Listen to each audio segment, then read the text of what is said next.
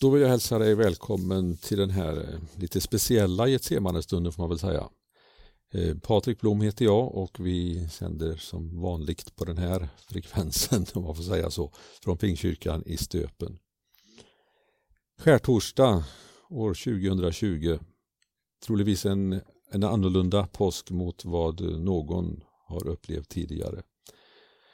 Men eh, allt det Jesus står för och det hans budskap står för det är detsamma.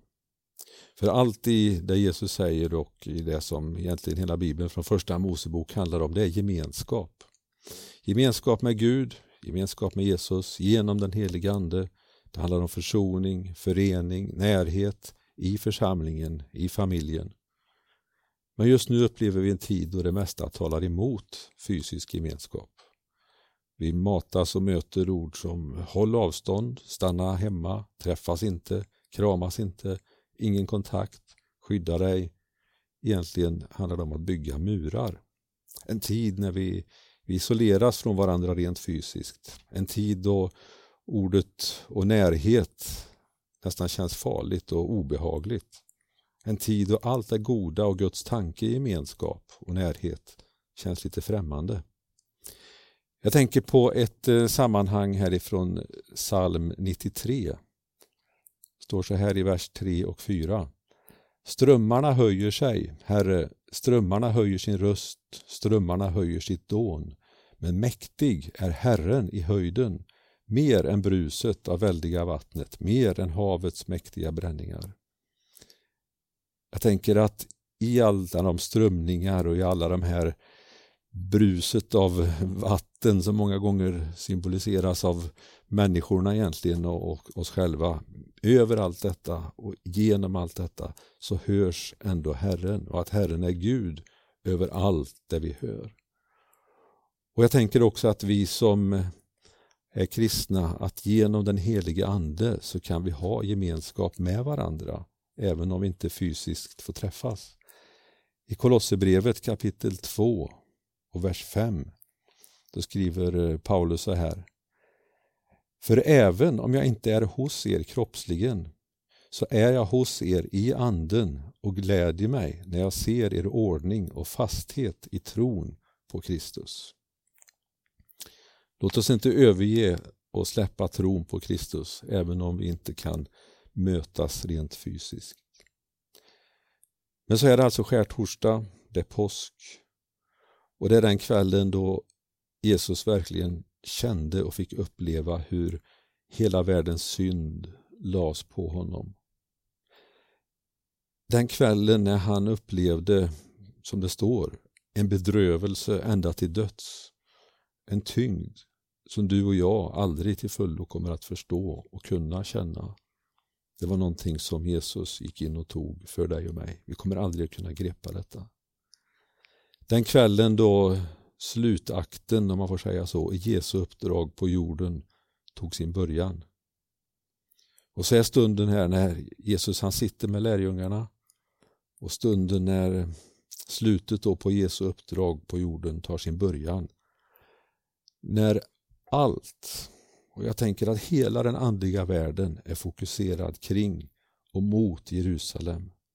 När hela skapelsen på något vis känner av att nu, nu sker någonting i Guds stora plan.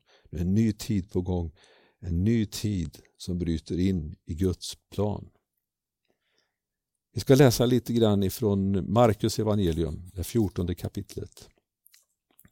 Och jag vill läsa vers 27 först här. Markus 14 och 27. Jesus sa till dem, ni kommer alla att överge mig.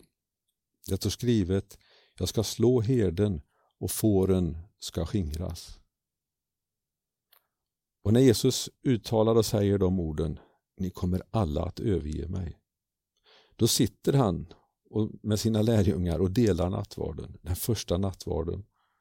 Han sitter med sina lärjungar, de som under tre år levt så nära, vandrat med Jesus och fått vara med om allt det som Jesus har gjort. Och så säger han till dem, ni kommer alla att överge mig. Mitt under det att Jesus instiftar denna gemenskapsmåltid, mitt i detta så börjar han tala om svek och att bli övergiven. Den måltid som visar på den djupaste gemenskap man kan ha, där Jesus själv delar sin egen kropp och sitt eget blod. Den måltid som innebär den största kärlek och gemenskap som går att uppbringa. Så långt ifrån allt det här med avstånd och isolering som vi upplever idag. Men mitt i denna gemenskapsmåltid så talar han om att överge, att bli övergiven. Och jag tänker, visst är det lätt att vi gör som lärjungarna, att vi överger Jesus. När alla måsten som vi upplever som måsten, vill säga, knackar på vår kalender och, och vårt hjärta. Och det är väldigt lätt att vi säger Jesus, du förstår väl om jag måste göra detta först. Livet kanske leker och man tycker att allting bara är så bra. Och då säger vi de här orden igen. Jesus, du förstår väl att det här är viktigt för mig att få göra. Och även om vi vandrat i många år med Jesus så kan det komma tider när vi lämnar honom, överger honom. Men han har lovat att aldrig överge oss. Han finns där vid vår sida. Han sträcker ut handen. Och frågan är, tar du tag i den utsträckta handen? Vågar du ta tag i den handen? Idag är en bra dag att komma tillbaka till Jesus, att på nytt ta tag i den utsträckta handen från vår frälsare. Och precis som vi läste från psalm 93 så tänker jag att det är Jesus som står och ropar högt till oss alla idag. Välkommen hem till mig.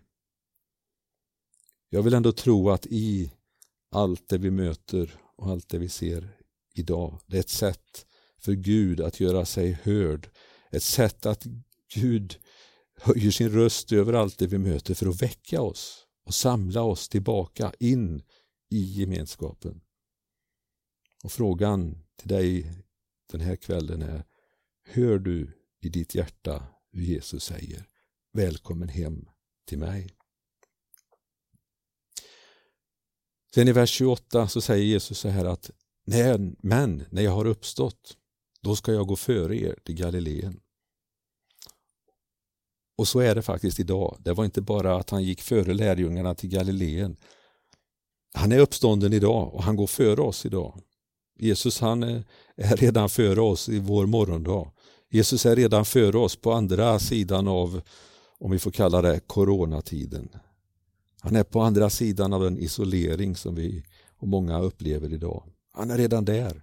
Han står där och tar emot oss. Han står där med sina utsträckta händer. Och han överger oss inte heller under den tid det tar att komma till andra sidan av den här coronatiden. Han går med hela vägen. Precis som vi läser i psalm 23. Att han, hans käpp och stav det tröstar och han överger oss inte även om det kan vara tungt och mörkt. Kanske har du hittills vandrat och levt ditt liv utan Jesus. Men då står han här idag och han vill ta emot dig nu. Han vill leda dig, han vill gå med dig, han vill gå före dig resten av ditt liv. Jag tänker att när Jesus han säger de här orden till lärjungarna att ni kommer alla att överge mig. Så visar det bara på att han, han känner och han vet om våra svagheter. Och Jesus visste redan då att den heliga ande, kraften, hjälparen som han senare uttalar och, och lovar skulle komma, den var ännu inte utgjuten över lärjungarna. Och han visste att de kommer inte att klara det här i egen kraft. De kommer inte att kunna i egen kraft stå fast vid sin tro, stå fast vid bekännelsen. De skulle överge honom. Men Jesus, han överger inte. Vi kanske ibland kan känna oss övergivna, men vi är inte övergivna. Och du behöver inte känna att du vandrar ensam och allt hänger på din egen kraft. För Jesus han vill styrka dig där du vandrar och han vill vandra tillsammans med dig. Idag, skärtorsdag år 2020, där vi var och en kanske är i våra hem eller var vi nu sitter en sån här kväll. Vi kanske sitter ensamma, ja, kanske sitter helt ensam. Kanske i familjen eller i den mindre gemenskapen. Men där kan du räkna med att Jesus han vill möta dig just nu. När vi så här på skärtorsdagen får minnas och se tillbaka på Jesus sista timmar på vägen mot Golgata. Då kan vi bara få fyllas av en, en tacksamhet och precis som det står här att man också sjöng lovsång så kan du få ta en, upp en sång eller en ton, någonting som du känner finns i ditt hjärta och få ge den som en hyllning till Jesus den här stunden.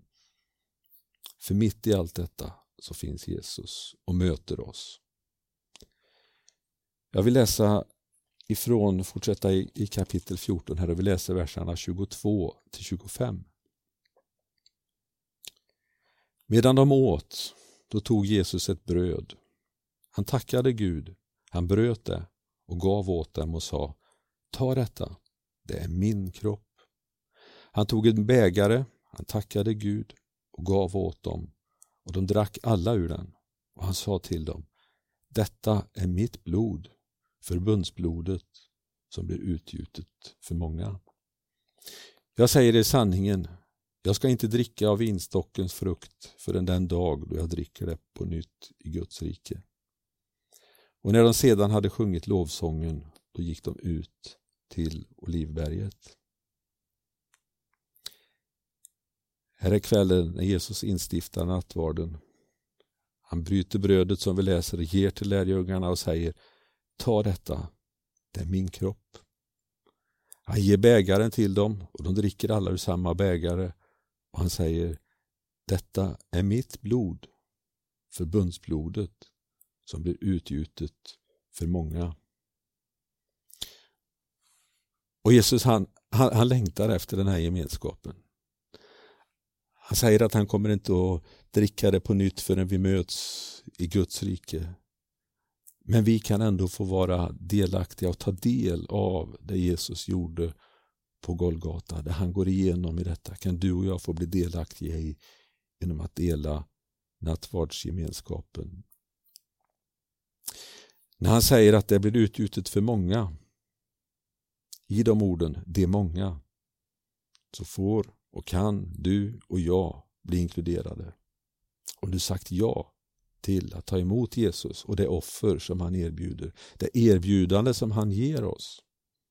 För det var för dig och mig som Jesus nu påbörjade den sista sträckan mot Golgata. För hela mänskligheten. Alla är inbjudna, men alla har inte svarat ja. För i den här inbjudan så finns det också de här sista orden om svar anhålles. Om du svarar ja på Jesu inbjudan så är du välkommen in i gemenskapen. Och efter måltiden då går de ut till Getsemane och vi läser verserna 32 till 42. De kom till en plats som kallats Getsemane och Jesus sa till sina lärjungar Sätt er här medan jag ber. Han tog med sig Petrus, Jakob och Johannes och han greps av bävan och ångest. Och han sa till dem Min själ är djupt bedrövad ända till döds. Stanna här och vaka. Han gick lite längre fram och föll ner på marken och bad att om möjligt få bli förskonad från denna stund. Han sa Abba, far, allt är möjligt för dig. Ta den här bägaren ifrån mig. Men inte som jag vill, utan som du vill. När Jesus kom tillbaka då fann han att de sov och då sa han till Petrus Simon, sover du? Kunde du inte vaka en enda timme? Vaka och be att ni inte kommer i frestelse. Anden är villig men köttet är svagt. Han gick bort igen och bad med samma ord. När han kom tillbaka fann han återigen att de sov.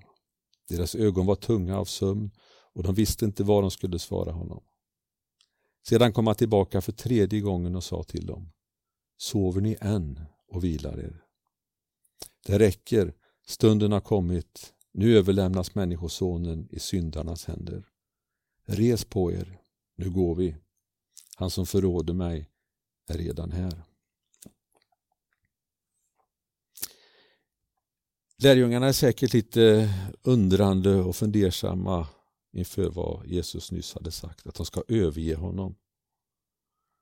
De hade nog ännu inte förstått vad som skulle komma att ske. Vi, vi kan läsa i Bibeln att inte ens Jesu bröder som hade fullt ut förstått vem Jesus var egentligen och vad hans uppdrag var. De skulle inte inse det och komma till tro förrän senare. Men nu står lärjungarna här inför den tidpunkt då hela mänskligheten kommer att få ett erbjudande om en hel relation till Gud igen genom Jesus. De står inför den tidpunkt då Jesus kommer att triumfera inför och över hela den andliga världen.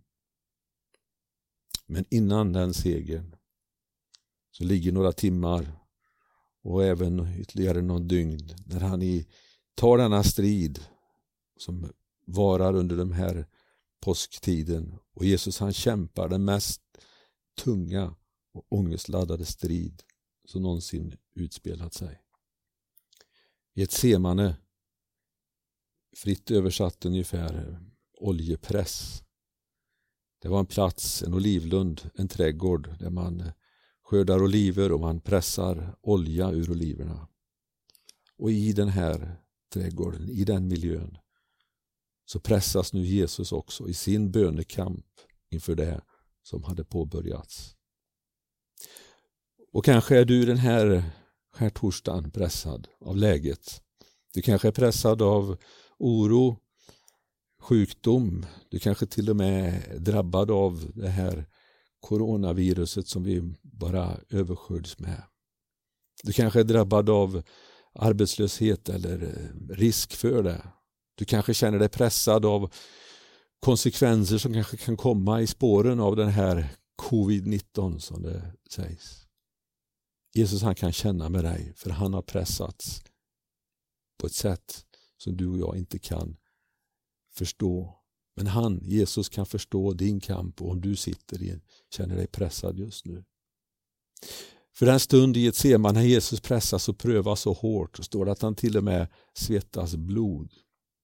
Den stund när han kan verkligen fysiskt och på alla sätt förnimma och känna att nu vilar hela världens synd på hans axlar. Den stund när han kommer att få uppleva och som han själv lite längre, sen, längre fram kommer att få höra och se på när han hänger på korset, när han säger Min Gud, varför har du övergivit mig?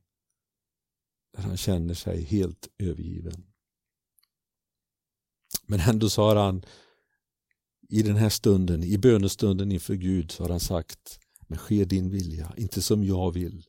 Utan jag är ändå beredd i detta att betala priset, att själv utsätta mig för detta. För att försona hela mänskligheten med dig, Far.